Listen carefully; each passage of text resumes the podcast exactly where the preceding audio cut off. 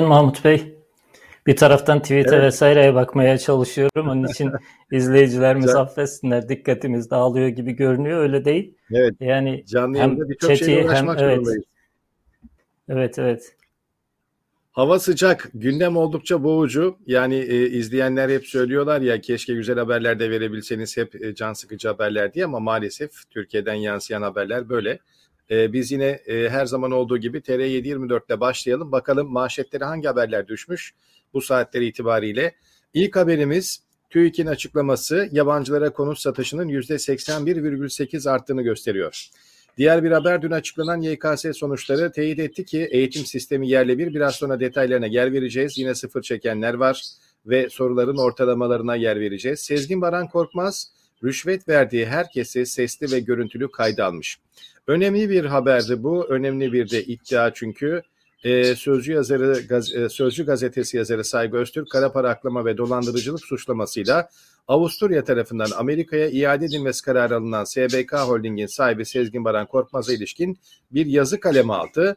Öztürk'ün yazısına göre Korkmaz rüşvet verdiği herkesi kayda almış, Korkmaz'ın elinde sesli ve görüntülü kayıtlar olduğu belirtiliyor. Yani önümüzdeki günler biraz e, ortalık hareketlenebilir, sıcak yaz daha da ısınabilir diyebilir miyiz sizce Bülent Bey? Evet yani dün e, ilk defa mahkemeye çıktı Sezgin Baran Korkmaz e, ama mahkemeye çıkmasından önce öte bugün e, bir köşe yazısı Saygı Öztürk'ün köşe yazısı alarm zillerinin çalmasına sebep oldu bence. E, Saygı Öztürk belli devlet içerisindeki hatta e, gölge devlet içerisindeki belli kliklere yakın hatta yer yer onun sözcüsü olarak nitelenen bir kişi. Onun için yazdıkları önemli, yazdıkları dikkat çekiyor. Sezgin Baran Korkmaz'la ilgili yazdıkları da bu şekilde. E, Saygı Öztürk diyor ki Sezgin Baran Korkmaz rüşvet aldığı her kişi, herkesi, her kişiyi e, kayıt altına almış. Bu hem sesli hem görüntülü kayıt. Bu e, Reza Zarrab'dan bile daha büyük bir alarm demektir. Daha büyük bir skandalın patlayacağının işaretleri demektir. E, Sezgin Baran Korkmaz'la yakalanmadan önce görüşmüş Saygı Öztürk. Sen bir Reza Zarrab olur musun demiş. E, Sezgin Baran Korkmaz kesinlikle böyle bir şey olmaz e, diye garanti vermiş ama tabii bu şeyin köprünün altından çok su aktı. Eski çamlar bardak oldu. E, bir yetkili devlet içerisinde görüştüğü e, Saygı Öztürk'ün bir yetkili e, devlet yöneticileriyle ilgili, siyasetçilerle ilgili e hadi bunun açık adını koyalım Erdoğan'la ilgili. Neden? Çünkü Erdoğan'ın Sezgin Baran Korkmaz'la Kingston kardeşlerle çekilmiş fotoğrafı var. E, Amerikan hazinesinin dolandırılmasından elde edilen kara parayı Türkiye'ye getirerek e, Türkiye'de en az 135 milyon dolarını Türkiye'de akladığına dair iddianame var. Amerika'ya zaten bunun için e, iade edildi Sezgin Baran Korkmaz. Devlet yetkilileriyle ilgili bir kısım bilgileri alıp e, bu bilgilerle Türkiye'ye karşı bir baskı oluşturacaklarını söylüyor e, Saygı Öztürk. Sezgin Baran Korkmaz eskiden şöyle bir şey vardı Emlak Bank skandalı falan patlak verdiğinde Turgut Özal döneminde 80'li yıllarda rüşvetin belgesi mi olur ulan böyle diye şeyler vardı. Klişeleşmiş laflar vardı. E, artık rüşvet verenler akıllandı. Kendilerini garantiye alabilmek için rüşvetin belgesini tutuyorlar. Hatta çok daha e, sağlam belge olsun, sağlam sigorta olsun diye de e, sözlü şey yazılı ve sesli, görüntülü bütün şeyleri, e, arşivleri topluyorlar demektir. Sezgin Baran Korkmaz'ın da bu elinde bu arşiv var, öyle anlaşılıyor ve bu arşivi şayet e, ABD'de salı verilmek karşılığında ki Reza Zarrab biliyorsunuz salı verildi. Yeni bir hayata başladı. TR724 e, bunu ortaya çıkar, çıkardı. Başarılı gazeteci Adem Yavuz Aslan gitti e, yeni hayatında Reza Zarrab'ı buldu. E, Sezgin Baran Korkmaz da böyle bir şey yaparsa Adem'den yeni bir bomba bekliyoruz. E, Sezgin Baran Korkmaz neden bunu yapmasın? Neden e, Reza Zarrab gibi e, özgürlüğüne kavuşup Amerika'da yeni bir hayata merhaba demesin? Amerika'ya götürdüğü paraları e, orada e, yemesin, rahat rahat e, bunu düşünmemesi için bir sebep yok. Saygı Öztürk'ün yazısında benim dikkatimi çeken bir noktada İçişleri Bakanı'na gönderme yapıyor. İşte İçişleri Bakanı bir konuşmalı diyor mesela yazısının ara başlığında. e, ve Sezgin Baran Korkmaz'ı yurt dışına çıkışından bir gün önce makamında ağırladığında kimin adına pazarlık yaptı, kimin borcunu talep etti, kimin borcunu tahsil etmeye çalıştı filan. E, bunların hepsini biz biliyoruz. Yani İçişleri Bakanı'nın konuşmasına elbette ki konuşsa keşke. Gerek yok. İnan Kıraç'ın e, ta, alacağını tahsil etmek, daha doğrusu aralarındaki bir alacak verecek davasında e, arabuluculuk yapmak, daha doğrusu Sezgin Baran Korkmaz'ı tehdit edip e, İnan Kıraç'a ödeme yapmasını sağlamak üzere İçişleri Bakanı makamına çağırmış ki bu görevlendirmeyi de Cumhurbaşkanı yapmış e, ve sonrasında olanları da biliyoruz. Levent Göktaş İnan Kıraç adına Sezgin Baran Korkmaz'daki otokar hisselerini üzerine aldı ve bir anlamda bu uyuşmazlık da sona erdi. E, Levent Göktaş kim? Hemen hatırlatalım bir hafıza tazelemesi. E, Necip Ablemitoğlu cinayetinin e, azmettiricisi, planlayıcısı ve emrini veren kişi olarak şu anda aranıyor. Diğer e, zanlılar, diğer şüpheliler yakalanmış olmasına rağmen o devlet içerisindeki güçlü bağlantılarından dolayı olacak. Önceden haber aldığı için kaçmayı başardı. Halen ele geçirilmedi. Şimdi böyle kirli bir ağ var, böyle kirli bir network var, ilişkiler ağı var. Bu ilişkiler ağının bir yerinde İçişleri Bakanı duruyor ve Saygı Öztürk herkesin bildiği bir konuda İçişleri Bakanı'nı konuşmaya çağırarak bence başka bir şey söylemeye çalışıyor. Yani e, bağlamından kopuk bir biçimde bence İçişleri Bakanlığı dile e, şey yapıyor, yazının içerisine yerleştiriyor. Herhalde e, İçişleri Bakanı ile ilgili Sezgin Baran Korkmaz'ın elindeki belgeler e, ya da kayıtlar öncelikli olarak İçişleri Bakanı hakkında olabilir. Onun için Saygı Öztürk İçişleri Bakanı'na hani B tahsis derdi eskiler bilhassa dikkat çekmek istedi zannediyorum. Bunları gösterecek zaten Sezgin Baran Korkmaz mahkemede konuştukça bunları biz de gündeme getireceğiz tekrar. Devam edelim. Diğer bir başlık Fransız Banka'nın yıl sonu için dolar kuru tahmini. Bu da 22 lira. Birazdan bu konuya da değinecektik. Hızlıca geçelim. Kur korumalı mevduatta kara delik büyüyor. Kedi burada ise ciğer nerede? Yusuf Dereli'nin haber incelemesi. Harbiyeli'den İsmail Saymaz'a tepki var. Bizi oraya kimin götürdüğünü Abidin Ünal'a sorun şeklinde. E, Mavi Otobüs belgeseliyle ilgili tartışmalar sosyal medyada vardı. Gazeteci İsmail Saymaz da askeri öğrenciler tarafından hazırlanan Mavi Otobüs belgeseliyle ilgili şu haliyle Mavi Otobüs bir propaganda filminin ötesinde değildir dedi. Bu sözleri askeri öğrencilerden Adnan Yıldız cevap verdi. İsmail Saymaz'ın eleştirilerini tek tek cevapladı. Yıldız, Öğrencileri oraya kim götürdü diye soruyorsunuz. Bunu defaatle talep edilmesine rağmen Abidin Ünal'ı dinlemeyen mahkeme heyetine sorun. Siz bunu Abidin Ünal'a mahkeme heyetine sorabilir misiniz ifadelerini kullandı. E, sosyal medyada e, Adnan Yıldız adlı öğrencinin, harp okulu öğrencisinin gazeteci İsmail Saymaz'a verdiği cevaplarda vardı. Evet, Bu konuyla ilgili üzerinde, evet, evet. Bunun üzerinde biraz duralım isterseniz. Türkiye'de e, pek çok e, alan sorunlu ama en sorunlu alanlardan bir tanesi de gazetecilik, medya. E, bu sorunların başında zaten iktidar tarafından devşirilmiş, iktidar tarafından satın alınmış gazeteciler var. Onlardan artık hani ne köy olur ne kasaba onlar hakkında çok konuşmaya da gerek yok. Hatta eskiler biliyorsunuz ölünün arkasından konuşmaz derlerdi. Şimdi bu yandaş medya dediğimiz gazetelerde çalışanların arkasından konuşmaya bile gerek yok. Fakat bir de böyle muhalif gibi görünen, hani muhalif kontenjanından gazetecilik yapanlar var. Fakat bu muhalif görünen gazeteciler e, bir Erdoğan'ın, Erdoğan rejiminin kendilerine çizdikleri alanda gazetecilik yapıyorlar. İzin verilen alanda muhalefet ediyorlar. Ama çok hayati konularda Erdoğan rejimine öyle destekler veriyorlar ki e, hiçbir yandaş gazetecinin e, veremeyeceği, hiçbir yandaş gazetecinin etkileyemeyeceği şekilde e, etkili olabiliyorlar yeri. Niye? Çünkü e, ellerinde böyle bir kartvizit var. Bunlar muhalif. E, aslında dediğim gibi Erdoğan e, bir anlamda icazetli muhaliflerini oluşturdu. Hani eskiden e, Nevzat Doğan'a atfedilen bir söz vardı ya, komünizm gelecekse de bu ülkeye biz getiririz. E, ya bu ülkede muhalefet gerekiyorsa onun da çizgilerini biz çizeriz, sınırlarını biz çizeriz. E, birilerine de icazet veririz, onlar yapar. Şimdi bu e, böyle bazı e, nirengi konular var. Bazı böyle hani e, her şeyin test edildiği, testten geçirildiği şeyler var, konular var. O konularda e, bu muhalifimsi e, gazeteciler, muhalifimsi e, sarı muhalefet diyebileceğimiz isimler bir anda kendilerini açık ediyorlar. Bir anda renklerini, foyaları dökülüyor, boyaları dökülüyor. Bu konulardan bir tanesi de 15 Temmuz. 15 Temmuz'la ilgili Erdoğan rejiminin 15 Temmuz'u nasıl kullandığını, 15 Temmuz'a nasıl ihtiyaç duyduğunu, 15 Temmuz'un 20 Temmuz'un aslında gerçek darbe olduğunu ve Türkiye'de bir darbe ortamının, bir tek adam rejiminin, bir diktatöryanın nasıl kurulduğunu hepimiz biliyoruz. Ve bu diktatöryaya destek verebilmek için 15 Temmuz efsanesinin sürmesi gerekiyor. Şimdi AKP'lilere kalırsa e, çok saçma sapan, çok böyle içeriği boş ve insanların gülerek artık kahkahalarla karşıladığı e, F-16'ya kafa atmak gibi e, absürtlüklerle, saçmalıklarla 15 Temmuz'u anlatabiliyorlar.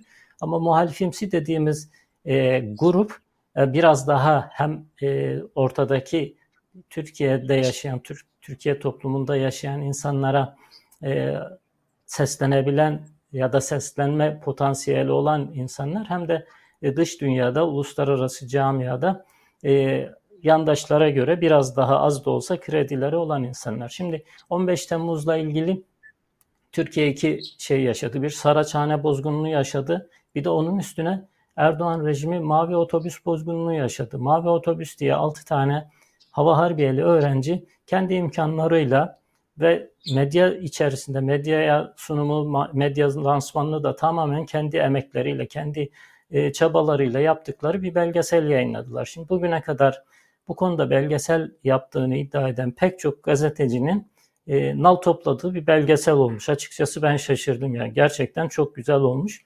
Ki zaten sonraki tartışmalarda da görüyoruz ki ha bu çocuklar çok zeki çocuklar.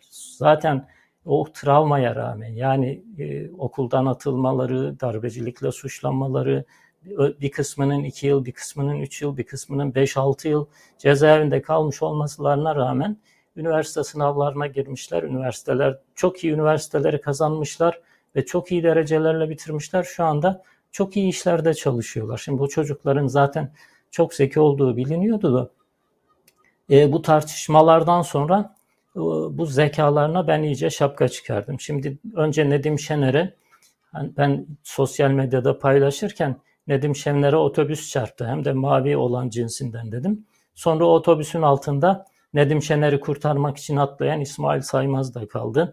Sonra o ikisini kurtarmak isteyen Cüneyt Özdemir'de. Üçü birden zincirleme kaza oldu. Mavi otobüs üçünü de ezdi geçti. Nasıl ezdi geçti biraz ona bakalım isterseniz. Şimdi e, Nedim Şener'in yazısına herkes atıf yapıyor. Nedim Şener büyük ihtimalle o yazıyı getirip önüne koyan ve altına imza atıp yayınlamasını sağlayanlara ateş püskürüyor diyeceğim ama Nedim Şener onu yapabilecek birisi değil. E, peki o yazıda ne vardı? Ki o öğrencilerden bir tanesi Nedim Şener'e doğrudan cevap verdi. Daha sonra İsmail Saymaz'a cevap verdi. E, şu var, e, Deniz Harp Okulu sınavında bu çocukların e, Deniz Harp Okulu sınavına işte soruları alarak, soruları çalarak, sorular kendilerine verilerek girdiklerini iddia ediyor. O soruşturmada e, şüpheli olduklarını iddia etti Nedim Şener. E, o delikanlılardan bir tanesi Adnan Yıldız yanlış hatırlamıyorsam ismi. E, e, dedi ki ya böyle bir sınav yok. Deniz Harp Okulu ve diğer şeyler e, harp okulları üniversite sınavıyla öğrenci alır. Deniz Harp Okulu sınav soruları diye bir soruşturma bile yok ki ben o soruları çalmış olmakla suçlanayım. Sonra Nedim Şener başka somut bir e, şey da, yalanı daha ortaya çıktı. O da e, Denizcilik Meslek Yüksek Okulu soruşturmasında da e, bu çocuklar şeyli e, sanık şüpheli konumunda dediler. E, aynı kişi ya böyle bir sınava ben başvurmadım bile ki şüpheli olayım. Ben bir tek tercih yaptım. O tercihime de girdim zaten. Başka bir tercih yapmama gerek yoktu. O, o söylediğiniz e, meslek yüksek okullarına, askeri meslek yüksek okullarına ben müracaat bile etmedim. Nasıl onların şüphelisi olabilirim dedi. Şimdi benzer bir şeyi İsmail Saymaz da yaptı. İşte bu çocuklar silah kullandılar ve bu çocukların silah kullandıklarına dair şeyleri biliyoruz. Dün ona da cevap verdi. E, ve cevapları ben şahsen çok tatmin edici buldum. Neden? Zaten birinci olarak şunu söylüyorlar. Ya siz gazetecisiniz, biz feryat ettik. Gelin davalarımızı izleyin. Gelin duruşmalara katılın ve gerçekleri bizzat kendi gözlerinizle görün dedik. Gelmediniz. Can Dündar'a yazdığı e, cevapta da bu vardı. Gelin bu belgesele katkı yapın dedik, yapmadınız. E, bizi dinleyin, bizi çağırın programlarınızda, belgesellerinizde biz konuşalım dedik. Konuşturmadınız. Şimdi biz kendi imkanlarımızla oturduk, bir şey yaptık. Buna 40 tane kulp takıyorsunuz. Ee, cevabı vermişlerdi. Hem Can Dündar'a, dün de e, İsmail Saymaz'a bu cevabı verdiler. Evet, e, gişelerdeki askeri öğrencilerin silah kullandığını zaten o e, askeri öğrencilerin kendileri de söylüyorlar. Ama mahkemede e, hani o askeri öğrencileri suçlayan müdahil avukatlarının ve savcıların bile inkar edemediği, onları suçlayamadığı bir görüntü var. Bu görüntüde e, bir yerlerden hem askeri öğrencilerin hem de halkın üzerine ateş açılıyor. Her iki tarafta sipere yatıyor ve askeri öğrenciler de o ateşin geldiği tarafa doğru havaya uyarı ateşi yapıyorlar. E, uyarı atışı yapıyorlar ve bu görüntülerde çok açık net bir biçimde görülüyor. Zaten e, gene paylaşılan bir bilgi balistik incelemeleri yapıldığında askeri öğrencilerin silahından çıkmış bir kurşunla bırakın ölmeyi yaralanan kimse bile yok diyor askeri öğrenci. Gelin buyurun mahkeme kayıtlarıyla bunu siz kendiniz teyit edin diyor bize inanmıyorsanız. Şimdi böyle bakıldığında hani bu kadarcık bir araştırmayı yapmayan, yanı başlarındaki duruşmalara gitmeyen ve yanı başlarındaki duruşmalardan elde edebilecekleri belgelerle, bilgilerle doğru haberi yap yapabilecekken e, birilerinin kulaklarına üflediği şeyleri böyle kulaktan kulağa oynayarak birileri Nedim'e söylüyor, Nedim İsmail'e söylüyor, İsmail Cüneyt'e söylüyor, Cüneyt şuna söylüyor filan. Böyle kulaktan kulağa oynayarak gerçek olmayan bir bilgiyle bu çocukların mağduriyetleri devam etsin istiyorlar. Halbuki bu çocuklar yani darbeye katılmış olsalar bile ki katılmadıklarını, darbe denen şeyden hiç haberleri olmadığını böyle bir e, bence kurgu, bence senaryo e, önceden haber alınmış ya da önceden kurgulanmış artık adına ne derseniz deyin bir darbe girişimi içerisinde bu çocukların hiçbir payı yok. E, ama Hava Harp Okulu, Hava Kuvvetleri Komutanı'nın daha önce de konuştuk bunu. Bugün de yazdım aslında izleyiciler oku, o yazımı okuyabilirler bana ihanetin resmini çizebilir misin Abidin diye Abidin Ünal'ın bir e, Abidin Ünal'ı anlatan bir yazı yazdım. Hava Kuvvetleri Komutanı elinde cep telefonu her yere e, talimat yağdırabiliyor. İçişleri Bakanı Efkan Alay'ı onun kurtardığını iddia ediyor Efkan Ala. E, her yer İçişleri Bakanı'nı kurtarabilecek kadar cep telefonuyla sağa sola talimat yağdırabilen bir hava kuvvetleri komutanı var. Akıncı üstünde eli cebinde dolaşan bir hava kuvvetleri komutanı var. Onu tanık olarak bile ifadesine başvurmuyorsunuz. Mahkemeye tanık olarak bile çağırmıyorsunuz. Sonra e, hava e, harp okulu birinci sınıf, ikinci sınıf öğrencilerine ağırlaştırılmış müebbet hapis cezası veriyorsunuz. Suçları neymiş?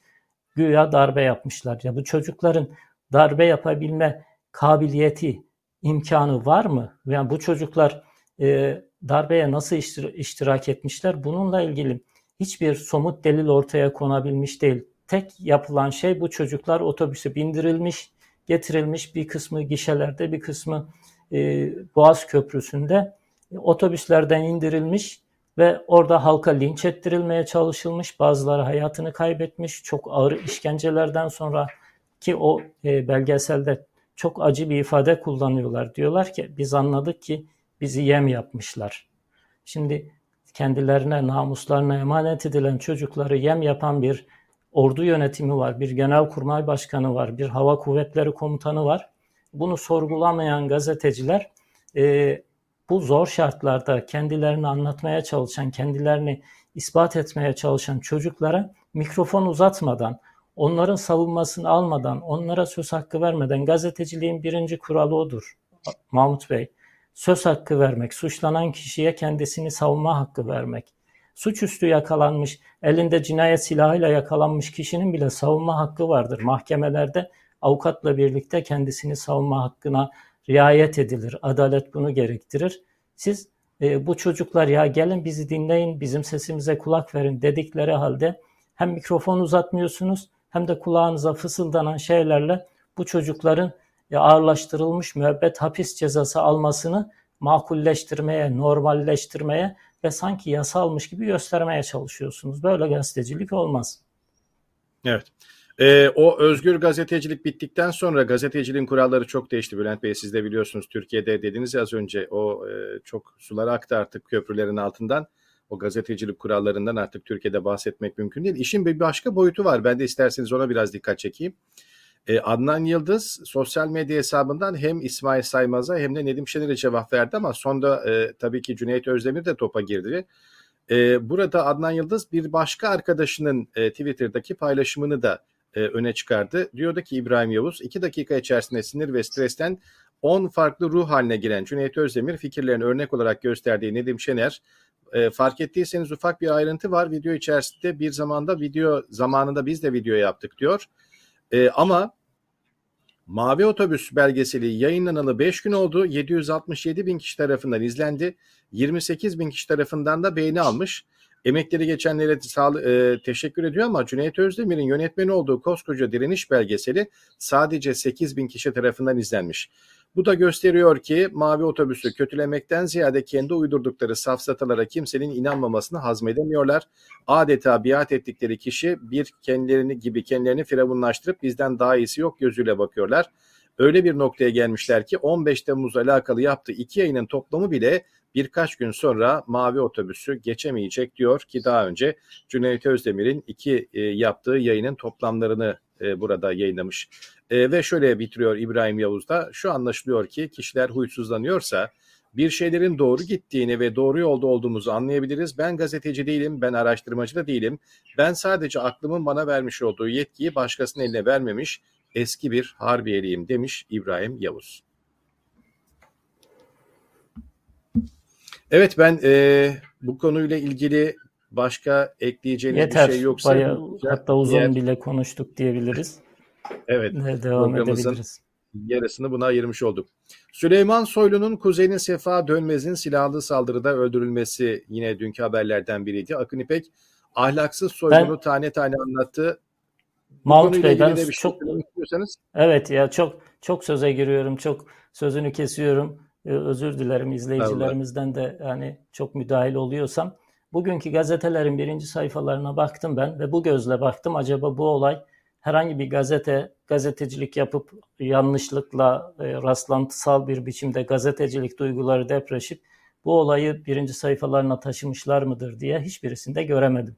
Normal bir ülkede İçişleri Bakanı'nın bir yakını silahlı bir çatışmada hayatını kaybediyorsa bu her ülkede yani normal her ülkede elbette ki hukukun, demokrasinin, basın özgürlüğünün geçerli olduğu her ülkede birinci sayfa haberidir. Çünkü halkın güvenliğinden sorumlu kişinin en yakınlarından bir tanesi bir de sokakta silahlı çatışmada ölüyor. Yani bu balkondan düşüp ölse bile birinci sayfa haberi olarak değeri vardır. E, silahlı çatışmada ölüyor arkadaşlar ya.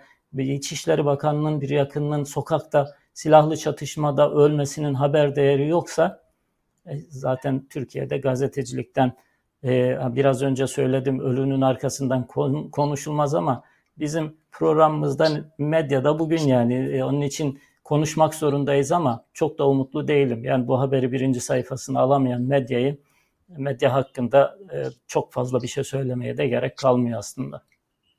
Evet. Devam ediyorum. Müsaadenizle HTS kayıtlarına böyle müdahale etmişler şeklinde Doktor Gökhan Güneş'in bir e, burada değerlendirmesi var. KYK borçlarında faizleri sildiren Kılıçdaroğlu'ndan EYT paylaşım var. Loading yani bu da geliyor yükleniyor diyordu. Biraz sonra KYK meselesine bakalım ki hemen arkasından zaten bu başlık geldi. Tayyip Erdoğan açıkladı KYK borçlarında faizler silindi. Peki öyle mi oldu? Ee, biraz vatandaşın ve öğrencilerin kafası karışık. Biraz sonra tweetlerde de göreceğiz bunu e, rakamların biraz değiştiğini söylüyor insanlar. E, KYK'dan KHK'ya geçelim. KHK'lı bir kamyon şoförünün feci kazada can verdiği bir haber gördük. 4,5 yıl tutuklu kalmıştı. Bir başka KHK'lı daha hayatını kaybetti işte. Ben ölünce gelirsiniz savcı bey demişti. Kocası tarafından katledildi. İlerleyen dakikalarda yer vereceğim bir haber e, Hava Harp Okulu öğrencisi Nedim Şener'in yalanlarını tek tek çürüttü şeklinde bir başlık vardı. Az önce buna değindik. New York Bors e, Barosu'ndan Türk avukatlara destek var. Erdoğan zulmü altında mesleğini yapan avukatlar dünya için bir ilham kaynağı deniyor. Kaç gündür köşe yazarlarına çok fazla yer vermemiştik. Şöyle hızlıca birkaç tanesinde başlığını duyuralım. İzleyenler de merak edip okumak isteyenler şöyle bakabilirler. Sizin yazınız bana ihanetin resmini yapabilir misin Abidin şeklinde az önce duyurmuştunuz. Mahmut Akpınar'ın yazısı Ruşen Çakır neden panikledi şeklinde Mehmet Efe Çaman 15 Temmuz Türkiye'nin dış ve güvenlik politikasını nasıl etkiledi diye soruyor. Dünya çöplüğü Nedim Hazar'ın yazısının başlığı Ahmet Kurucan nesiller arası farkın farkında olmak başlıklı yazısıyla bugün burada ve Ekrem Dumanlı'nın yazısının başlığı da Amerika'nın oyununu bozmak. Burada da Sezgin Baran Korkmaz ve Süleyman Soylu'yu görüyoruz yine. Evet, e, gazete küpürlerimize, sosyal medya gündemimize geçelim. TR724 haberlerini aktarırken aslında gündemin bir kısmını da burada işlemiş, değerlendirmiş olduk. Evet ben bugün Ahmet Taş getirenin köşe yazısında dikkat çektiği ama sadece dikkat çekip bıraktığı neredeyse hiç yorumlamadığı bir konuyla başlamak istiyorum. Ahmet Taş getirenin köşe yazısının başlığı patlama başladı. Herhalde lağım patladı demek istedi ama o kadar da cesur değil Ahmet Taş getiren. Kendisini yakından tanıyorum ben de. Ee, Ahmet Taş getiren şunu söylüyor. Acaba iktidar cenahından hiç olmazsa MHP'den bir Allah'ın kulu çıkıp da bu ekonomik e, krize neden isyan etmiyor? Neden arkadaşlar olmuyor, biz size oy verenler eziliyor demiyorlar diye merak ediyordum. E, nihayet birisi çıktı diyor. Sedat Peker'le birlikte pek çok problemli konuda adı geçen ancak öteden beri AKP tabanının nabzını tuttuğu varsayılan AKP MYK üyesi, MKYK üyesi Metin Külünk patladı. Yeni Şafak başka gerekçelerle de e, baş, bir problemi ifşa etti. Dün Mevlüt Uysal e, probleminden bahsediyor. Bir eski AKP milletvekili de 15 Temmuz raporunun nasıl hasraltı edildiğini anlattı. E, Reşat Petey'in anlattığını dün biz burada söylemiştik. Bir de ismini açıklanmasını istemeyen başka bir AKP'li milletvekili de biraz daha fazla ayrıntı verdi. Peki Metin Külük ne dedi? İsterseniz biraz onun tweetlerine bakalım. Bu aslında AKP'deki şeyin e, rahatsızlığın ve yaklaşan e, bir anlamda e, bozgunun habercisi yani Metin Külünk bile artık bunu söylemeye başladıysa e, AKP'de işler gerçekten iyi gitmiyor demektir. Bakın Metin Külünk şunu söylüyor. Diyor ki Türkiye'de en az kazanan ile en çok kazanan arasındaki fark 23 kattır. En tepedeki %10'luk nüfusun toplam geliri nüfus toplam gelirin yaklaşık %55'ine sahipken sahipken en alt %50'lik nüfus toplam gelirden %12 ancak alabiliyor diyor. E, ve tweetlerine devam ediyor. Diğerleri çok daha ağır aslında. En üstteki %10'luk kesimin serveti %67 diyor. E, en alttaki %50'lik nüfus %4'üne sahip diyor. Acaba ekonomi yönetimi bu tabloyu okuyor mu? Bürokratlar bu tablodan haberdar mı? E, hani eşeğini dövemeyen semerini döver diye bir laf var ya siyasetçilere e, söz söyleyemeyince biraz e, bürokratlar üzerinden dövüyorlar sanki. Sürekli büyüme rakamı açıklayarak sokağın gönlünü almak mümkün mü? Sürekli büyüme rakamı açıklayan kim? Neba, e, Nurettin Nebati, Hazine Bakanı ve ondan daha fazla da Cumhurbaşkanı Erdoğan. Sürekli bu büyüme rakamları açıklayarak bir belirli şeyleri örtbas etmeye çalışıyor. Metin Külünk de buna dikkat çekiyor. Mevcut politika ve tercihler alt ve orta gelir grubundan daha çok yüzde onu mutlu ediyor. Zengini daha fazla zengin ettiniz, fakiri daha fazla fakir ettiniz diyor. Yani Adalet ve Kalkınma Partisi diyorduk. Ortada adalet kalmadı. Kalkınmada sadece zaten zengin olan çok küçük mutlu bir azınlık için devam ediyor. O yüzde onu siz zengin etmeye ve mutlu etmeye devam ediyorsunuz diyor. E daha ilginç bir şey söylüyor. AKP rejiminin, Erdoğan'ın birinci önceliği biliyorsunuz e, betondur. Yani e, müteahhitlik kesimidir. İnşaat sektörü ekonominin can damarı haline getirildi. E, toprak rantı, inşaat rantı üzerinden yürüyen bir ekonomi ve oradan e, Erdoğan'ın havuzlarına taşınan bir hem ihale hem e, normal vatandaşın parası var. Ona da şunu söylüyor Metin Külünk, betona gömülen paradan vatandaşa bir pay düşmüyor. %10'luk kesime verilen krediler %50'lik kesimin refahını artırmıyor. Dar bir elit kesim servetine servet katıyor. bu düzeni baştan sona değiştirmek zorundayız. Sokağı duymayan, sokağı görmeyen teknokrat akıl sorgulanmalıdır. Teknokratın işi sokağı duymak, sokağı görmek değildir. Teknokrat emir eridir. Sokağın sesini duymak e, siyasetçinin görevidir. Sokağın sesini duymak e, siyasi iktidarı, siyasi erki elinde tutanın görevidir. Dediğim gibi Metin Külünk bile artık e, AKP'deki e, daha doğrusu ülkedeki çöküşü görüyor, ekonomik çöküşü görüyor ve o bile uyarma ihtiyacı hissediyorsa artık gerçekten iş e, kötüye gidiyor demektir. Evet ben biraz sosyal medyadaki başlıkları da e, isterseniz hemen yer vereyim. E, bunlardan bir tanesi KYK borçları ile ilgili kararlardı. Erdoğan bunları açıkladı. Gözler hep e, uzun süredir zaten dünkü manşetlerde de açıklamıştık. Milyonlarca insanın, öğrencinin özellikle gözü bu konuyla ilgili yapılacak belki düzenlemede diye. E, Kılıçdaroğlu'nun e, daha önce gündeme getirdiği bir konuydu. Erdoğan da öğrenim kredilerinin geri ödemesi sadece ana para miktarında olacak dedi. Ama bu açıklamadan sonra sosyal medyada gördük ki bu konuyla ilgili çok farklı e, tepkiler geldi. Örneğin Turhan Bozkurt, e, ekonomist, e, Kredi ve Yurtlar Kurumu KYK idarecileri bakın bu mesajlar sizlere kızımın ana parası 21.240 liraydı. Şimdi sisteme baktık faizi ekleyip ana para yazmışlar şeklinde bir e, izleyiciden gelen mesajı paylaşmış. Baktığımızda bu mesajın e, devamına Erdoğan'ın bu açıklamayı yaptığı 18.07 e, 2022 tarihine hesaplanan toplamda gerçekten e, bu öğrencinin 21 bin lira olan e, borcunun 27.664 liraya çıktığını görüyoruz. Neslin Çetin bir başka isim. Önceden ana para 18 bindi, faizlisi 25 bindi. Reisin açıklamasından sonra ana para 25 oldu. Umarım bir açıklaması vardır yoksa skandal yani diyor. Evet bir başka bu konuda Türkiye Gov.tr'den e, bu konuyla ilgili ekran görüntüsünü paylaşan isimdi e, Nesrin Çetin. Ve e, ardından devam edelim. Rukiye Sezer de yine bu öğrencilerden bir tanesi. Bana da böyle oldu demiş. Daha dün baktım ana para 21 bindi. Enflasyonuyla 27 bindi. Şu anda bende de ana para 27 bin olarak gözüküyor.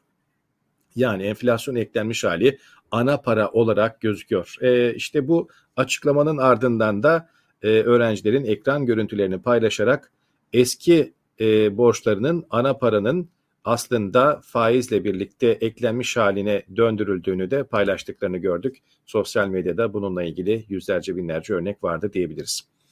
Ee, Ekrem İmamoğlu'nun bir açıklaması, bir tweet'i vardı. İstanbul Büyükşehir Belediyesi bu yıl 75 bin üniversiteliye 4500 lira katkıda bulunacak. Faiz yok, enflasyon farkı yok çünkü geri ödemesiz gençlerin her zaman yanındayız diyordu. Tam da KYK ile ilgili tartışmalar ve geri ödeme ve enflasyon farklarının olduğu bir dönemde geldi bu açıklama. Erdoğan başka neler açıkladı kabine toplantısı sonrası bakalım.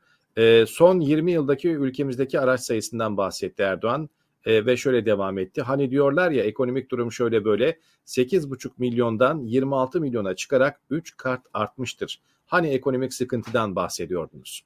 Bu konuyla ilgili vatandaşlardan da sosyal medyada çokça yorum var. Birkaç tanesini paylaşarak geçmek istiyorum.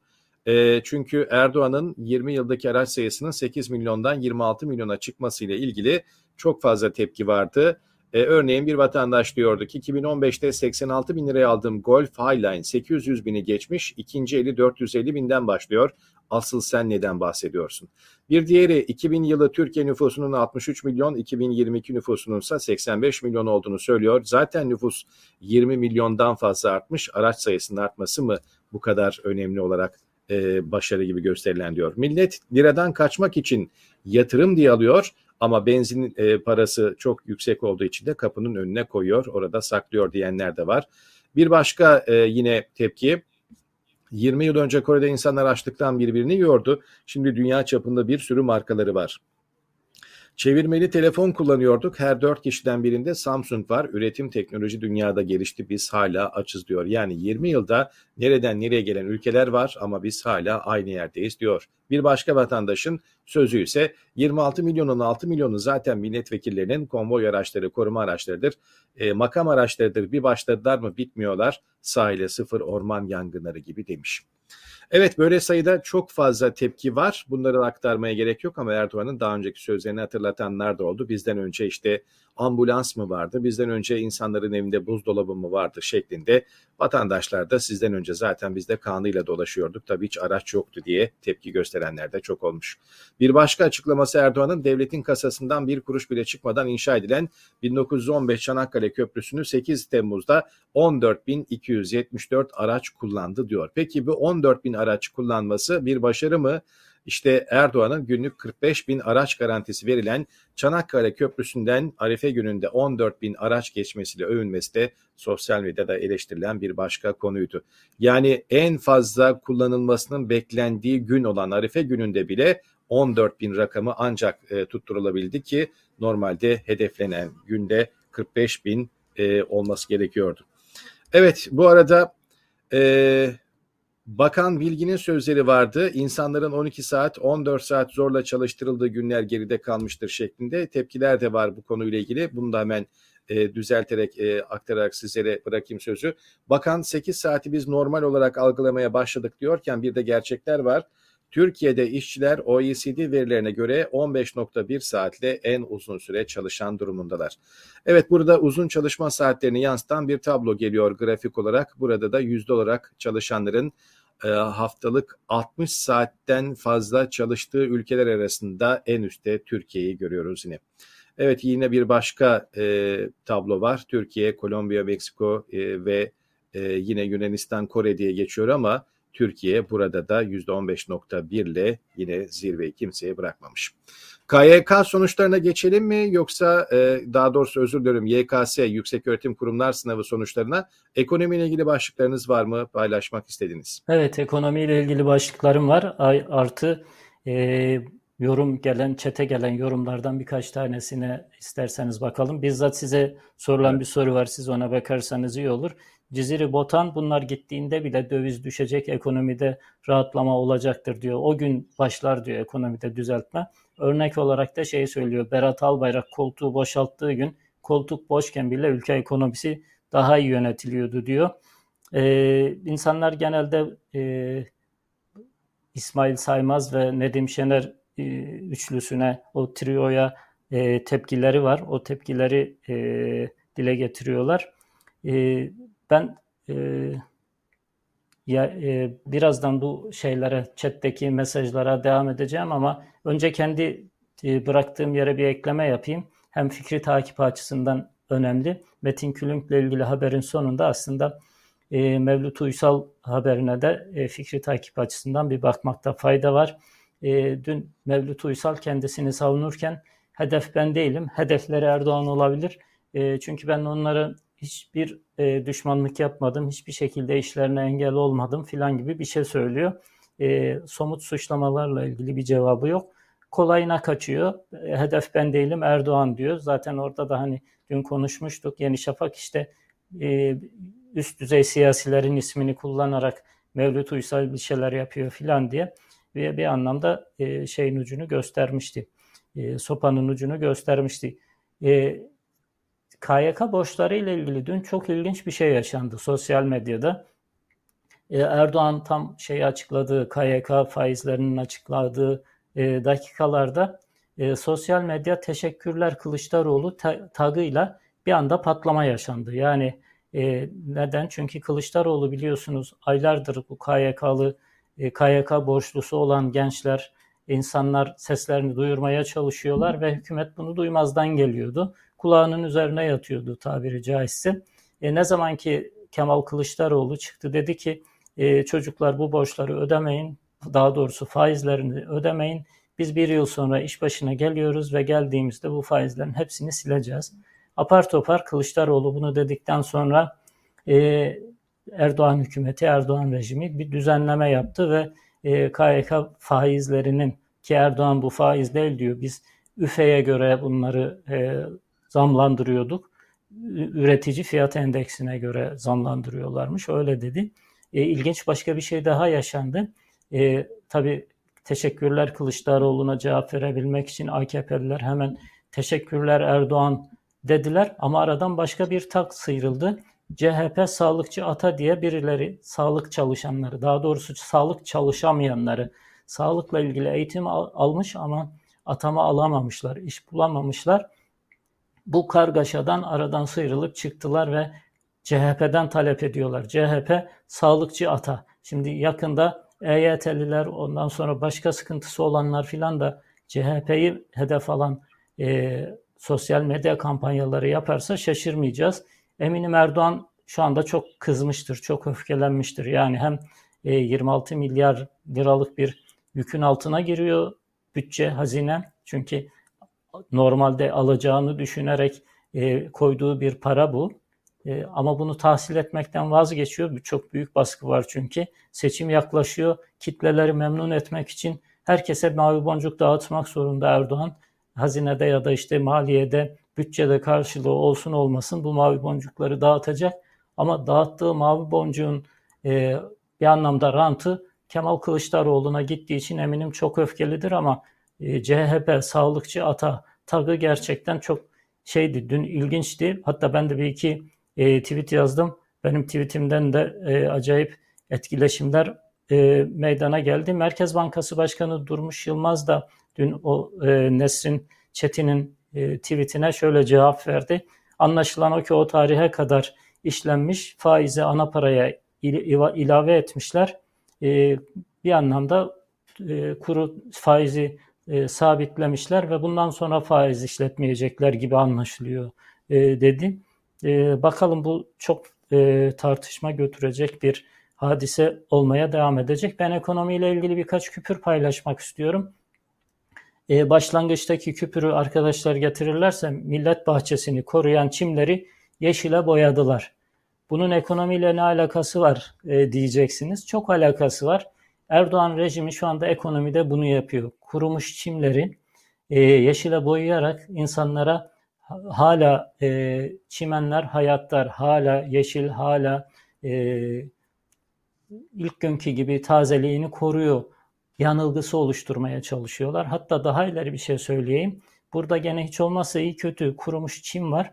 Erdoğan şu anda taşlıkları boyayarak buralar e, gül bahçesi diye satmaya çalışıyor. Ekonomideki durumumuzu AKP rejiminin olaylara, krizlere yaklaşım tarzını e, anlatan çok güzel bir örnek bu aslında. Yani kurumuş evet. çimleri yeşile boyamak. AKP rejimi her alanda şu anda onu yapıyor. Yani eğitimde, sağlıkta ve hepsinden önemlisi e, ekonomide tam da bunu yapıyor. Kurumuş olan ekonomiyi canlı gibi gösterip halkın biraz daha bir seçimde daha en azından e, gönlünü kazanabilmek, onu kandırabilmek için çimleri boyayıp e, halka satmaya çalışıyor. E, çok e, ben de aynı küpürü var. almıştım. İsterseniz hemen o küpürü de ben de e, bu arada hemen e, ekrana getirmiş olalım. Cumhurbaşkanı Yardımcısı Fuat Oktay'ın açılışını yaptığı Yozgat Çekerek Millet Bahçesi'nden bahsediyoruz aslında. Normalde bu çimlerin yeşermesi için sulanması lazım. Ama sulanmamış, kurumuş. Ekonomiden bahsediyoruz ya işte benzetme anlamında. E, normalde o çimlerin sulanması gerekirken sulanmadığı için kuruyan çimler yeşil görünsün diye e, bu sefer açılıştan önce işte görevlerin ellerine boyalar verilmiş. E, sırtlarına takmışlar bu insanlar da e, sapsarı çimlerin üzerine yeşil boya sıkarak e, o çimleri yeşil gibi göstermeye çalışıyorlar. Evet. Evet ben ekonomiyle devam edeyim. Vaktimizi bayağı e, çok harcadık ama hep, çok haber var. Bugün çok fazla küpür aldık. Onun için biraz sabrınızı istirham ediyoruz sizden. Sonuna kadar izlerseniz ve izlerken de tabii arada beğeni ve paylaşımlarla programımıza destek verirseniz çok mutlu oluruz. E, TÜİK'in açıkladığı çok önemli bir veri var. TÜİK, e, tarımda üretici enflasyonu %148,9. Bakın bu ne demektir biliyor musunuz? Önümüzdeki dönemde gıda enflasyonu bu noktalara gelecek demektir. Yani artık TÜİK enflasyonu %80'lerde filan e, frenleyemeyecek demektir. TÜİK'in ki nasıl e, veri açıkladığını hepimiz biliyoruz. TÜİK bile tarımda üretici enflasyonunu %148 olarak hatta 149 olarak %149 olarak açıklıyorsa önümüzdeki dönemde enflasyon gerçekten çok can yakacak demektir. E, Yeni Çağ Gazetesi'nin manşeti bir derleme yapmışlar diyebiliriz. Ekonomi rayından çıktı. Aslında bu konuda E, TR 24 haberleri içerisinde de çok güzel bir dosya var. E, onu izleyicilerimizin okumasını e, ben şahsen tavsiye ederim. Siz okurken başlığını e, izleyicilerimiz de eminim duymuşlardır. E, şey ciğer buradaysa kedi nerede başlığıyla ekonomi e, analiz eden güzel bir dosya haber var. Ekonomi raydan çıktı facia geliyorum diyor. Tarımda enflasyon %148.9. Bütçe 31.1 milyar TL açık verdi. Kur korumalı mevduatın 4 aylık faturası 17. Şey, 37.2 milyar ya 2 milyar TL'ye yükselmiş ve inşaat sektöründe e, çalışanların oranı %7 düşmüş. Dün de konuşmuştuk. Yani ekonominin e, zembereği olarak, omurgası olarak inşaatı düşünen bir rejim var. İnşaatı ekonominin en kilit noktasına yerleştirdiler. Şimdi o e, yaz aylarında bile istihdamın %7 düştüğü bir sektörden söz ediyoruz. Yani ekonomiyi dayandırdıkları kolon çöktü. O kolon şu anda kestiler onun yerine e, millet bahçesi yaptılar diyelim. Bir başka haber Dünya Gazetesi'nin bir manşeti ticarette liralaşma çıkışı tersine döndü. Ne söylüyorlarsa tam tersini yapıyorlar ya da ne söylüyorlarsa tam tersi gerçekleştir gerçekleşiyor. E, milli paramızla ticaret yapacağız dediler. Milli parayla ticaret e, 2017 17'de %7.3'e kadar yükselmişti. Şu anda tarihinin neredeyse en düşük rakamlarından birisi dış ticaretteki payı TL'nin %3'ün altına inmiş durumda. Yani dediğim gibi ne neyi yapacağız diyorlarsa tam tersi gerçekleşiyor. Milli parayla şey e, ticaret şu anda tarihi dip noktayı yaşıyor. E, kur korumanın evet, arada... bedeli 37 evet, milyara çıktı buyurun. demiştik. E, son bir hani vatandaşın Ayşe teyze, teyzenin e, ekonomisi e, Tevfik Uras'ın rahmetli e, ekonomi gazetecilerinin duayeninin söylediği şeydir bu. Ondan bahsedip sonra sözü size bırakayım. Aydınlık gazetesinin bir haberi bu. Evlenmenin maliyeti en az 200 bin lira. Bir insanın düğün, çeyiz, takı, ev eşyaları masraflarını düşündüğünüzde asgari 200 bin liraya ihtiyacı var. Geçtiğimiz hafta nüfus oranındaki düşüşleri konuşmuştuk. 2000 2000 e, yılıyla 2001 yılıyla 2021 yılı arasında neredeyse yarı yarıya bir düşüş var. Erdoğan rejimi hani orada da söylediğinin tersini yapıyor. İnsanlar evlenmeye cesaret edemiyor. Hadi bir şekilde evlense bile çocuk yapmaya kimse cesaret edemiyor. Evet ben hemen e, yüksek öğretim kurumları sınav sonuçları ile ilgili yorumlara ve değerlendirmelere bakayım ama bu arada tabii siz e, konuşurken ben de izleyicilerden gelen e, chatlere bakıyorum canlı chatlere e, çok inanılmaz güzel yorumlar da var. E, enteresan şeyler de var. Bazen hatta tebessüm de ettiriyor ama bunların hepsini burada tabii ki dile getirmeyelim. E, izleyenlerimiz chat bölümüne baksınlar. Hele özellikle çimlerin boyanması konusunda çok güzel bir yorum vardı. Bunda e, burada aktarmayayım. E, merak edenler oradan okusunlar. Şimdi e, Aktar ya o halk arasında çok bilinen bir sözdür Mahmut Bey çok şey değil bence ayıp değil. E, diyor ki bunlar anasını boyayıp babasına satar. Değil mi? Onu kastediyorsun herhalde. Evet yani ben e, onu hadi ekrandan söylemeyeyim demiştim ama madem öyle dile getirmiş olduk. E, güzel böyle e, zeki paylaşımlar da var. E, onları da ara sıra ekranlarda aktaralım. Şimdi e, Yüksek Öğretim Kurum sınavından bahsettik. E, bu yıl adaylardan 3 milyon 8 bini sınava katılmış. 226 bini sınava girmemiş, 258 kişinin sınavı geçer sayılmış. Bunlar rakamlar ama bu rakamlar arasında en önemli olan şeyi söyleyelim şimdi. Sıfır çeken sayısı 96 bin. Evet bütün sorulardan en azından bir tanesine bile cevap veremeyen öğrenci sayısının yaklaşık 100 bin olduğunu görüyoruz. Diğer peki rakamlar neler? Bakalım. Çok acınası durumdayız diyor Münir Arıkan. TYT'de 500 puan alan tek kişi var. Fende 20 soruda ortalama 3.2, tarihte 10'da 2, matematikte 20'de 6.9, sosyal bilimlerde 20'de 7.9, Türkçe yani kendi ana dilimizde 40'ta 17.7, Evet 96 bin kişi sıfır çekmiş. AYT'de matematikte 40'ta 7.7, fizikte 14 soruda e, 2, yaklaşık 2, kimyada 13'te 1.7, biyolojide 13'te 2 olarak görüyoruz. Evet gerçekten eğitim sisteminin bir kez daha şöyle bir e, en baştan e, ele alınıp düzenlenmesi ve bir kez daha şapkanın önüne koyup düşünülmesi lazım. Biz nerede hata yaptık? E, YKS sonuçlarında bu bu tablo nasıl çıkabiliyor diye. Burada ee, Süleyman isterseniz size, size bir ek, ekleme yapayım ben. Evet. Ee, sıfır çekenlerin sayısı 2021'de 23 binmiş. Bu sene 96 bine çıkmış. Düşünebiliyor musunuz? Neredeyse 5 kat yani 4,5 kat artmış durumda sıfır çekenlerin sayısı. Ki neye göre biliyor musunuz?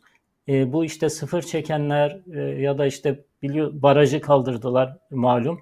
E, ve sıfır çekenler konusunda çok haber yapılıyor, çok e, eleştiri yapılıyor diye bu sene soruları çok kolaylaştırmışlar. Hatta soruları çok kolaylaştırdıkları için sıralama alt üst olmuş. E, buna rağmen 23 binden 96 bine çıkmış sıfır çekenlerin e, sayısı. E, Hürriyet gazetesinin manşeti vardı. Sıralama tam bir şok. Neden? Çünkü soruları kolaylaştırdıkları için e, şeyin e, aslında çok net yapan, çok e, şey yapan e, puan alabilen insanlarla işte az puan alan alanların arasındaki sıralama karman çorman olmuş. Tam bir kaos yaşanıyor şu anda. Çocuklar nasıl e, şey yapacaklar, e, tercih yapacaklar? Kara kara şu anda onu düşünüyorlar ki Hürriyet'in manşetinde hemen yanında küçük bir haber de var. Matematik etkisiz kaldı diyor. Ne de etkisiz kaldı? Sıfır çekenlerde ve matematik sorularını cevaplayanların çoğalmasında matematik sorularının kolaylığı bile etkisiz kaldı. E, şeyin Bir Gün Gazetesi'nin manşeti aslında e, sistematik bir sorun var. Türkiye'de pek çok alanda olduğu gibi burada da sistematik bir sorun var. E, ve o sistematik sorundan dolayı e, bu kadar e, doğru yapan, net de demiyoruz artık bakın. Çünkü bir doğru yapan bile üniversite tercihi yapabilecek böyle bir noktaya geldik o bir doğru yapanın bile e, şeyi tercih yapabildiği bir ortamda e, eğitim kalitesinin e, yerlerde süründüğünü gösteren çok güzel bir turnusol kağıdı gibi oldu bu, bu sınavlar. Yani eğitimde şöyle işte bütçe ayırdık, şöyle hopladık, şöyle zıpladık, şöyle büyük işler yaptık.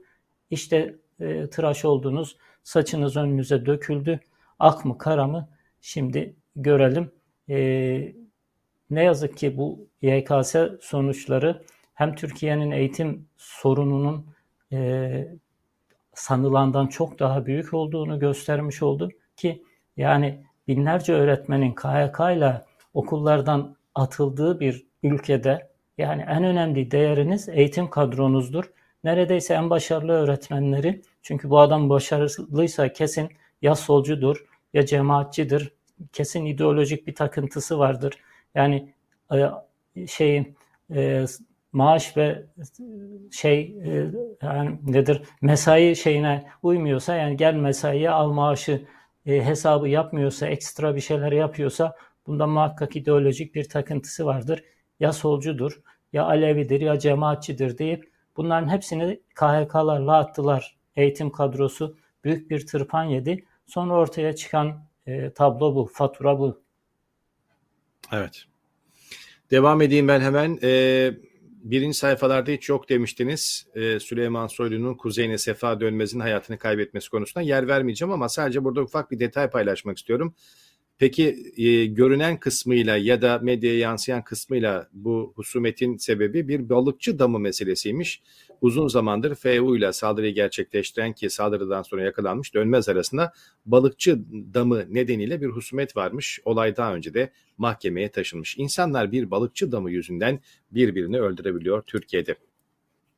İbrahim Özkan'ın paylaştığı bir şey vardı. Bir capture aslında bu. Ekran görüntüsü yani. Bu kadar da olmaz diyor. 15 Temmuz şehidini canlı yayına çıkarma başarısını gösteren TRT'yi tebrik ediyorum şeklinde. Evet baktığımız zaman da gerçekten e, TRT'deki bir yayında 15 Temmuz şehidi Bilal Özyıldırım günaydın hafta sonunda şeklinde televizyonda bir görüntüde alt band görüyoruz. E, şehidi de canlı yayına çıkarmış TRT bravo diyelim. Annem o gün savcıya ben ölünce gelirsiniz savcı bey dedi. Gerçekten de öyle oldu. Olay yerine gelen savcı o savcıydı. Cihan Çelik'in paylaşımı dün sosyal medyada çokça önümüze gelen bir paylaşımdı. Yine kadına şiddet olaylarını konuştuk. Dün bir örnek de verdik. E, şakaklarına elektrik veren ve sırf erkek çocuk doğurmadı diye karısını vahşice, canice öldüren bir kişiye mahkemenin e, bu olayın canice işlenmediğine dair kararından bahsetmiştik. İşte burada da e, 30 yıl boyunca şiddet gören Güler Karslı boşanmak istediği kocası tarafından katledildi. Koruma kararına rağmen ölüm tehditleri sürerken etkin bir önlem alınmaması cinayetin önünü açtı. Evet orada zaten Güler Karslı da e, o gün savcıya demiş şimdi gelmiyorsunuz ama ben ölünce gelirsiniz diye kaderin gerçekten e, bir cilvesi ve e, yaşananları da yaşanacakları da çok iyi tahmin etmiş Güler Karslı başına gelecekleri e, gerçekten de olay yerine gelen savcı aynı savcı olmuş. Bununla ilgili e, sizin de küpürünüz vardı sanıyorum. E, eklemek istediğiniz bir konu var mı yoksa diğer e, konulara geçelim mi? Diğer konulara geçelim ama bir taraftan e, okur mesajlarıyla e, devam edelim isterseniz. Bir okurumuz diyor ki emeğinize sağlık ama bitirmek için niye acele ediyorsunuz? Bizim keyfimiz yerinde. Biz izliyoruz, izlemeye devam ediyoruz. Siz de devam edin. E, eyvallah. Yani siz isterseniz biz akşama kadar burada oturur konuşuruz. Bizim de işimiz bu. Artı izleyicilerimiz chatte e, fiyat paylaşıyorlar. E, semtlere göre, illere göre Ayfer Susam başlattı. Diğer izleyicilerimiz de devam ediyor. E, sebze meyve fiyatlarını paylaşıyorlar gerçekten korkunç. Yani limonun e, 30 liradan e, 30 lira limon e, diye yazan bir okurumuz var. E, varoş semtlerde ise 20 TL diyor. E, korkunç yani insanlar bir limona bile 30 lira 20 lira veriyorlarsa e, ülkenin ekonomisi çok zor durumda demektir. E, Ayfer Hanım e, bugün pazar var gideceğim iş çıkışı halim kalırsa diyor. E, yani e, yarın e, halin e, daha doğrusu pazarın e, şeyini halini bizimle paylaşırsa Ayfer Hanım e, teşekkür ederiz. Yani biz e, izleyicilerimizin bizzat kendi tecrübeleriyle e, bizi yönlendirmelerinden mutlu oluyoruz. E, asbestli gemi olayı var isterseniz kısaca ondan bahsedeyim ben. Evet.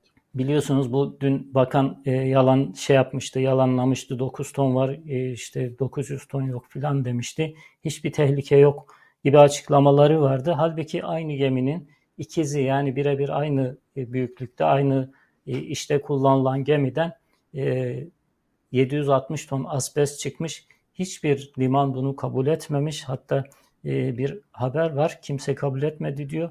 Hindistan e, bunu e, parçalamaya, e, sökümünü yapmaya yanaşmamış ki Hindistan'da biliyorsun sen fakirlik çok alt, e, çok yüksek düzeyde ve alt seviyede kastın en altındaki insanların neredeyse kimliği bile yok. Onlar bile hani bu gemiyi e, alıp sökümünü yapmaya yanaşmamışlar. E, Mısır geçişine dahi izin vermemiş. Bizde söküm yapılıyor diye e, Kimya Mühendisleri Odası'ndan Meliha Koç'un açıklaması var. E, Sefer Serli'nin karikatürü aslında olayı biraz özetliyor. Madem risk yok neden başka bir ülkede ya da Brezilya'da söküm yapılmadı? E, bakan kurum cevap veriyor çünkü bizde insan hayatı çok ucuz. E, benim kısa kısa aldığım küpürler var hem e, fikri takip açısından. Dünkü e, Cübbeli Ahmet Hoca ile ilgili gelişmelerin e, devamı var, onun cevapları var. Onlara e, yer vermek istiyorum. Bu Nazmi Arıkan cinayetiyle ilgili e, gelişmelerde bir şey var. Bir de sürtük, e, affedersiniz sürtük kelimesini, Cumhurbaşkanı'nın kullandığı sürtük kelimesini e, Metropol Araştırma Şirketi halka sormuş. Bunun sonuçları var. Ben bunları paylaşacağım. Ama sizin gündeminiz varsa isterseniz önce onu alalım. Ee, ben aslında yine dış haberlerle ve elimdeki birkaç küpürle bitireyim isterseniz. Sonra da sözü tekrar size bırakayım kapanış için. E, az önce Hı-hı. aktarmıştık. Şenol Babuşçu da daha önce tweetinde buna dün yer vermişti. Fransa'nın büyük bankalarından birinin yıl sonu dolar kuru tahminin 1 dolar 22 TL olarak olduğunu söylemişti açıkladığını. Ama ekonomistlere göre bu iyimser bir tahmin diyenler de var ki doların e, çok daha yüksek rakamlara geleceğini 30'lu 40'lı rakamlardan da bahsediyor bu senaryolar arasında ki Fransa Bankası da 22 demiş zaten 7. aydayız 5 ay içerisinde gelmesi beklenen nokta. İnsanlar sağlık turizmi için hep Türkiye'ye gidiyorlar. Bunlardan e, birisi de gidilen ülkelerden birisi de İngiltere. BBC'nin belgeseline göre TikTok ve reality show programları nedeniyle İngiltere'den Türkiye'ye diş yaptırmaya gidenlerin sayısı artıyor. Ancak gidenlerin birçoğu sorunlarla dönüyor ve yeniden tedavi olmak zorunda kalıyor. Bir belgeselle bunu ortaya koydu BBC. Türkiye'de dişlerini yaptıran kişilerin e, sorunlarla geri döndüğüne dair bu belgesele göre ucuza diş yaptırmak için İngiltere'den başka ülkelere giden çok sayıda insan var. Türkiye'de bu ülkelerin başında çünkü arada pound ve TL bazında çok inanılmaz büyük bir açılış e, fark var e, pound'un aşırı değerli olması yüzünden Türkiye'de. Ama ciddi sorunlarla geri dönüyor ve İngiltere'de yeniden tedavi olmak zorunda kalıyormuş bu insanlar. Bunlarla ilgili bu belgeselde ayrıntılar var. Zamanımız çok fazla olmadığı için çok fazla yer vermeyeceğim ama kron kaplanıyormuş insanların dişlerinin çok büyük bir kısmı kesiliyormuş. Görünüşte tabii ki güzel dişlere sahip olduklarını düşünüyorlar ama daha e, 20'li yaşlarda 20 tane kron e, yaptıran insanlardan bahsediliyor. Dişleri küçültülerek belki yapılan bu işlemin ilerleyen zamanlarda ciddi komplikasyonlara da ve rahatsızlıklara da yol açtığı söyleniyor. Örneğin e, İngiltere'deki bir diş hekimi eğer ben 20 yaşındaki birine rengi sırf sadece düzeltmek amacıyla 20 tane kron yapsam burada lisansım iptal edilir meslekten bile men edilirim diyor ama Türkiye'de bunu çok rahatlıkla yapıyorlar. Yine e, bir başka konuda e, bir belgeselde fotoğraf gösteriliyor. Benim dişlerimi memnun değilim. E, bana ne tavsiye edersiniz diye bir fotoğraf gösteriyor bu belgeselde sunucu. Daha doğrusu belgeseli hazırlayan muhabir. E, yanıt veren 120 Türk kliniğinin 70'i doğal dişlerin törpülenmesini de içeren kron veya kaplama gibi tedaviler önermiş. İngiltere'de de gösterilmiş ama bu kliniklerden hiçbirisi kaplama ya da kron gibi bir tedavi planı sunmamış, daha az müdahale gerektiren tedaviler önermişler. Evet Türkiye'ye insanlar gidiyor ama bir de böyle şeyleri var. Memnun olanlar da mutlaka vardır ama e, BBC'de belgesellere konu olacak önemli bir sıkıntı Türkiye'ye sağlık turizmi için gelenlerin başına gelenler. İngiltere'den bahsetmişken ben hemen İngiltere ile kapatayım ve sözü kapatmak için size bırakayım. E, burada İngiltere'de dün özellikle bahsetmiştik son yılların en sıcak günleri yaşanıyor diye. Bugün düne göre daha büyük sıcaklıkların beklendiği ve kırmızı alarm verildiği bir gün. E, bir fotoğraf vardı. The New York Times kullandı bunu. İngiliz ordu sözcüsü pazartesi günü yani dün Buckingham Sarayı'ndaki nöbet değişiminin İngiltere'yi vuran aşırı sıcak hava dalgası nedeniyle oldukça kısa tutulduğunu söyledi. Bu fotoğrafı neden burada aldım? Çünkü ilerleyen gazetelerin neredeyse tamamında bu fotoğrafı göreceğiz. Fotoğrafta Buckingham Sarayı önünde nöbet tutan bir asker var. Ee, İngiliz askerlerinin Buckingham Sarayı önünde nöbet tutan askerlerin geleneksel kıyafetleri ayı postundan yapılıyor bu kafalarındaki kalpak ve onları sıcak tutması için ama tabii e, bu 39-40 derece sıcaklıklarda güneşin altında bu epey zor oluyor. Burada da bir görevlinin, bir güvenlik görevlisinin bu askere su içirmeye çalıştığı görüntü vardı. İşte bu görüntüyü Metro gazetesinde de gördük. Hemen hemen her gazetede karşımıza çıkacak. E, bütün e, günler içerisindeki belki de bu yıl içerisinde en sıcak güne hazır olun diyor bu gazete. The Daily Telegraph'ta da aynı fotoğraf var e, rekor sıcaklıklar yani yine bu seyahatlerdeki kaos, okulların kapanması ve giderek daha da sıcaklaşan bir hava. Evet bir başka gazete dünyanın yeryüzünün bize bazı uyarılar gönderdiği şeklinde yorumlamış giderek artan hava sıcaklıkları konusunu. E, The Guardian gazetesi de fotoğraflarla İngiltere'nin değişik şehirlerinde ne tür sıkıntılar yaşandığını ya da insanların bu sıcak havada neler yaptığını fotoğraflarla göstermeye çalışmış. Son gazete Daily Mail işte burada da yine aynı askeri görüyoruz. E, çok fazla sıcak ama burada da Bearskin yani bu arayı postundan da bahsedilen bir değerlendirme de yapılmış. Ve bir taraftan da Charles'ın görüntüsüne yer verilmiş. Prens Charles'ın ne ceketini ne de kravatını bu sıcakta bile çıkarmadığına yer verilmiş. Okullar kapanıyor, e, çalışanlar evlerinde kalıyor. Birçok dükkan erken kapanıyor. Trenlerde, metrolarda ve uçuşlarda e, bu sıcaktan kaynaklanan iptaller var. İngiltere ve Avrupa sıcaklarla boğuşmaya devam ediyor diyelim ve kapanış için ben sözü size bırakayım. Evet, e, okurlarımızdan bir tanesi e, Faruk Ali isimli okurumuz. Saadettin Usta Osmanoğlu'nu adı sana bilinmeyen bir kişiyken e, İsmail Ağa'nın temsilcisi olarak Habertürk'te Fatih Altaylı Teke Tek programına çıkardı. İsmail Ağa cemaatinin e, temsilcisi olarak sundu. E, buna ne diyorsunuz diyor. Ben e, haberleri aktarırken bu soruya da cevap vermeye çalışacağım. Bir de teşekkür ediyoruz. İzleyicilerimiz gerçekten bizi cesaretlendiriyorlar. E, konuşmaya devam edin, yayına devam edin. Biz halimizden memnunuz diyorlar. Bir yere mi yetişeceksiniz diye takılanlar da var. Hayır bir yere yetişmeyeceğiz. Zaten 7-24 evde çalışıyoruz. Mahmut Bey e, mutfağında çekiyor. E, dün yayından sonra kamerayı kapatmadan perdeyi indirince bir fotoğrafını çektik. Belki ileriki günlerde yayınlayabiliriz. Ben de yatak odasının bir e, köşesini stüdyo gibi kullanıyorum. Karşımda bir e, ışık ve evet arkadaşlar şimdi gösterdiler bile Mahmut Bey senden evet. belki izin almadan gösteriyorlar. Evet mutfağın dağınık halinden kusura bakmayın diyelim. Sabahleyin biraz erken kalkıp oraları biraz karıştırıyorum herhalde. Evet. Yani onun için hani biz buradayız. Yeter ki siz e, bizi cesaretlendirin. Yeter ki siz bizi isteyin. Evet fikri takip açısından e, Cübbeli Ahmet tartışmasına devam edelim isterseniz. Oradan başlayalım okurum izleyicimizin de yorumuyla birlikte. E, dün hatırlarsanız e, Cübbeli Ahmet'e e, kaset şantajı demiştik. Bunun bir suç olduğunu, ahlakanen de doğru olmadığını kayıtlara geçirmiştik. Yani birisini e, bir suç isnadıyla ya da özel hayatıyla tehdit etmek şantajdır. Normal şartlarda hakkında soruşturma açılması gerekir. E, Ahmet de zaten suç duyurusunda bulunmuş. Bakalım ilerleyen günlerde e, olay ne olacak. Biz e, zaten dün o konunun aslında tarikattaki bir post kavgası, liderlik kavgası olduğunu söylemiştik. Bugün e, Sözcü gazetesinin biraz önce arkadaşların yansıttığı manşet Sözcü gazetesinin birinci sayfa manşetiydi. Gerçekten bir post kavgası yaşanıyor ki şey e, Cübbeli Ahmet halktv.com.tr'den e, hadi başta İsmail Saymaz'dan bahsettik. Burada da bir e, ürününü kullanıyorsak ismini söyleyelim. İsmail Saymaz'a konuşmuş Cübbeli Ahmet e, ve orada gerçekten bunun bir post kavgası olduğunun izlerini görüyoruz.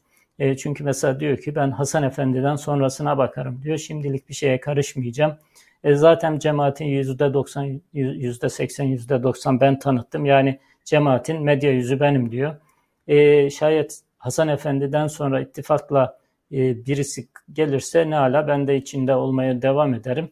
E, ama e, ihtiraslı kişilere aile içi ondan ona sonra ondan ona devam ederse bütünlük devam etmez. Yani cemaat e, parçalanır diyor. O büyük parçalardan bir tanesi de ben olurum demek istiyor herhalde. E, babadan oğula geçme ihtimalini soruyor İsmail Saymaz. E, ona da e, razı olmayacağını söylüyor. Bir diğer fikri takip haberimiz e, Nazmi Arıkan cinayeti vardı biliyorsunuz. Şoförüyle birlikte evet. çiftlik evinde bıçaklanarak öldürülmüştü. Dün e, su, e, cinayet zanlısı olarak bir kişi tutuklandı. Bir iş adamı. O da eğitim camia, camiasında e, yatırımları olan bir kişi. Ve, e, hatta aynı zincirin bir parçası Nazmi Arıkan'ın yönettiği zincirin, sahip olduğu zincirin e, bir kısmını satın almış ve e, franchisingle devam ettiren kişi Ufuk Akçakaya, Tokaspor e, Başkanı aynı zamanda. Bu kişinin iki fotoğraf peş peşe bakacak olursak neredeyse onlar birçok fotoğrafı var aynı kişiyle birlikte. Gözlüklü olan malum e, suikast şüphelisi olarak tutuklanan Ufuk Akçakaya. Yanındaki kişi Erdoğan'ın dünürü. Erdoğan'ın dünürü e, bir şey kurdu biliyorsunuz. E, Kardeş Kal Türkiye diye bir dernek, şey, derneğimsi bir yapılanma kurdu. 15 Temmuz'dan sonra e, bizzat o toplantılara katılan birkaç kişinin e, şeyiyle, e, paylaşımlarıyla gündeme geldi. E, sivilleri silahlandırdıklarına dair ve sivilleri herhangi bir hani onlar şimdi darbe diyorlar da insanlar en çok şeyden korkuyor. AKP'nin seçim kaybettiği bir ortamda biliyorsunuz AKP seçimle bile gitse bunu darbe olarak niteliyor. Hatta e, yandaş medyada şöyle haberler görüyoruz. İşte muhalefet AKP'yi devirmek için birleşti. Ya muhalefet dediğin şey zaten bunun için yok mudur? Ya bu ilginç bir eşleşme. Yani işte görüyorsunuz AKP kurultayında da birlikteler. E, başka mekanlarda da birlikte fotoğrafları var. E, Kardeş Kal Türkiye'nin e, genel başkanı olarak görünen Orhan Bey e, izleyicilerimiz affetsinler. Yaşlanmaya başladık bilmiyorum. Soy ismini unuttum. E, ama e, Erdoğan'ın e, dünürü e, Bilal Erdoğan'ın eşinin babası. E, o Kardeş Kalk Türkiye bir milis yapılanmasına e, dönüşecek gibi e, görünüyor.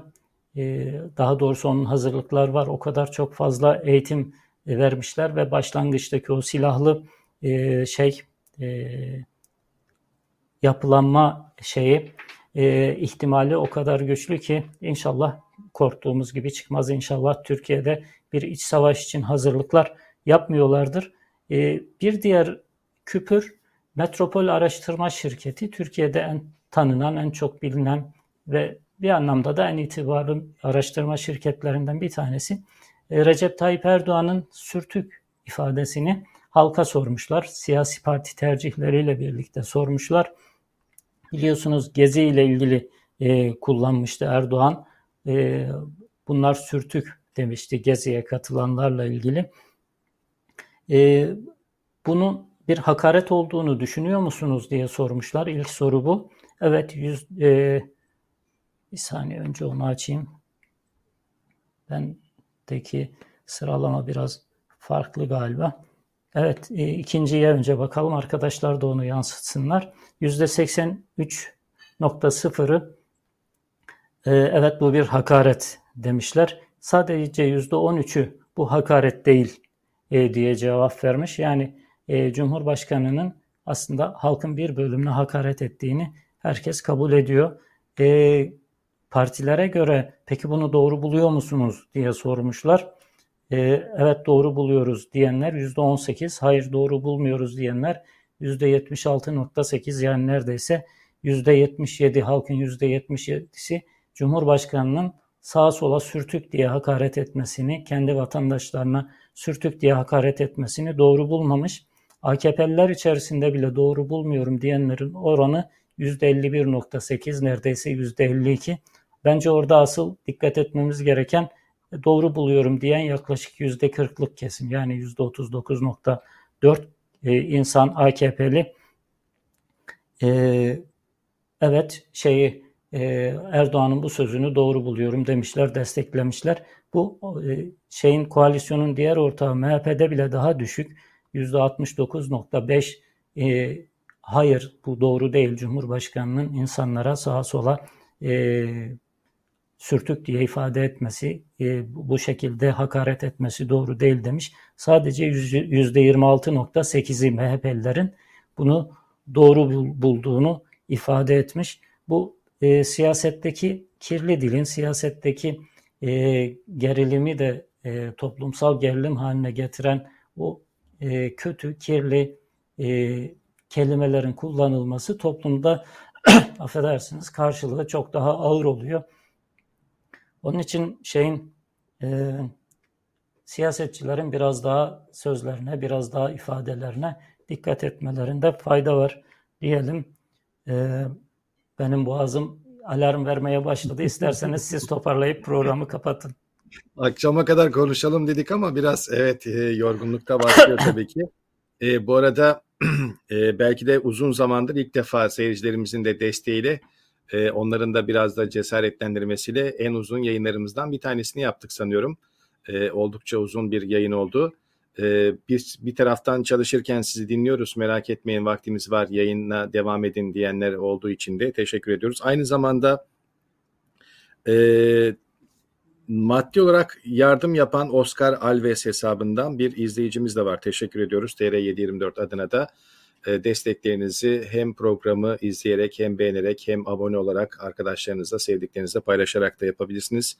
E, bana gelen bir mesaj var. Yabancı basından daha fazla küpür bekliyoruz demişler. E, bunu dikkate alacağım. Magazin de lütfen denilmiş. E, Prens Charles'ın bu sıcaklarda bile e, kravatını çıkarmadığını magazin olarak sayalım. Bugünkü en azından magazinimiz bu olsun. İlerleyen zamanlarda magazin e, olursa onları da mutlaka ekleyelim. En azından e, biraz farklı bir rengi olsun. E, ben teşekkür etmek istiyorum. E, izleyenlerimiz bizi bu saate kadar desteklediler. Hiç e, sosyal medyada, YouTube'da, chat bölümünde e, sıkılmadan, usanmadan bizlere destek vermeye devam ettiler. E, yarın aynı saatte tekrar birlikte olabilmek üzere kapatalım. E, ama e, ben sanıyorum yarın mutfağı biraz daha derli toplu tutmam gerekecek herhalde eğer arka tarafta böyle görüntüler varsa.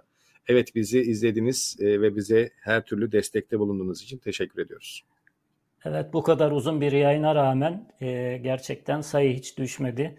E, günün bu saatinde e, olabileceğinin çok ötesinde bir izleyici kitlesiyle bu programı sürdürdük ve bitirdik. E, 800 küsürlere vardı aynı anda izleyen insanların sayısı. Hepinize teşekkür ediyoruz. E, kanalımıza abone olmayı unutmayın elbette. Yarın görüşmek üzere.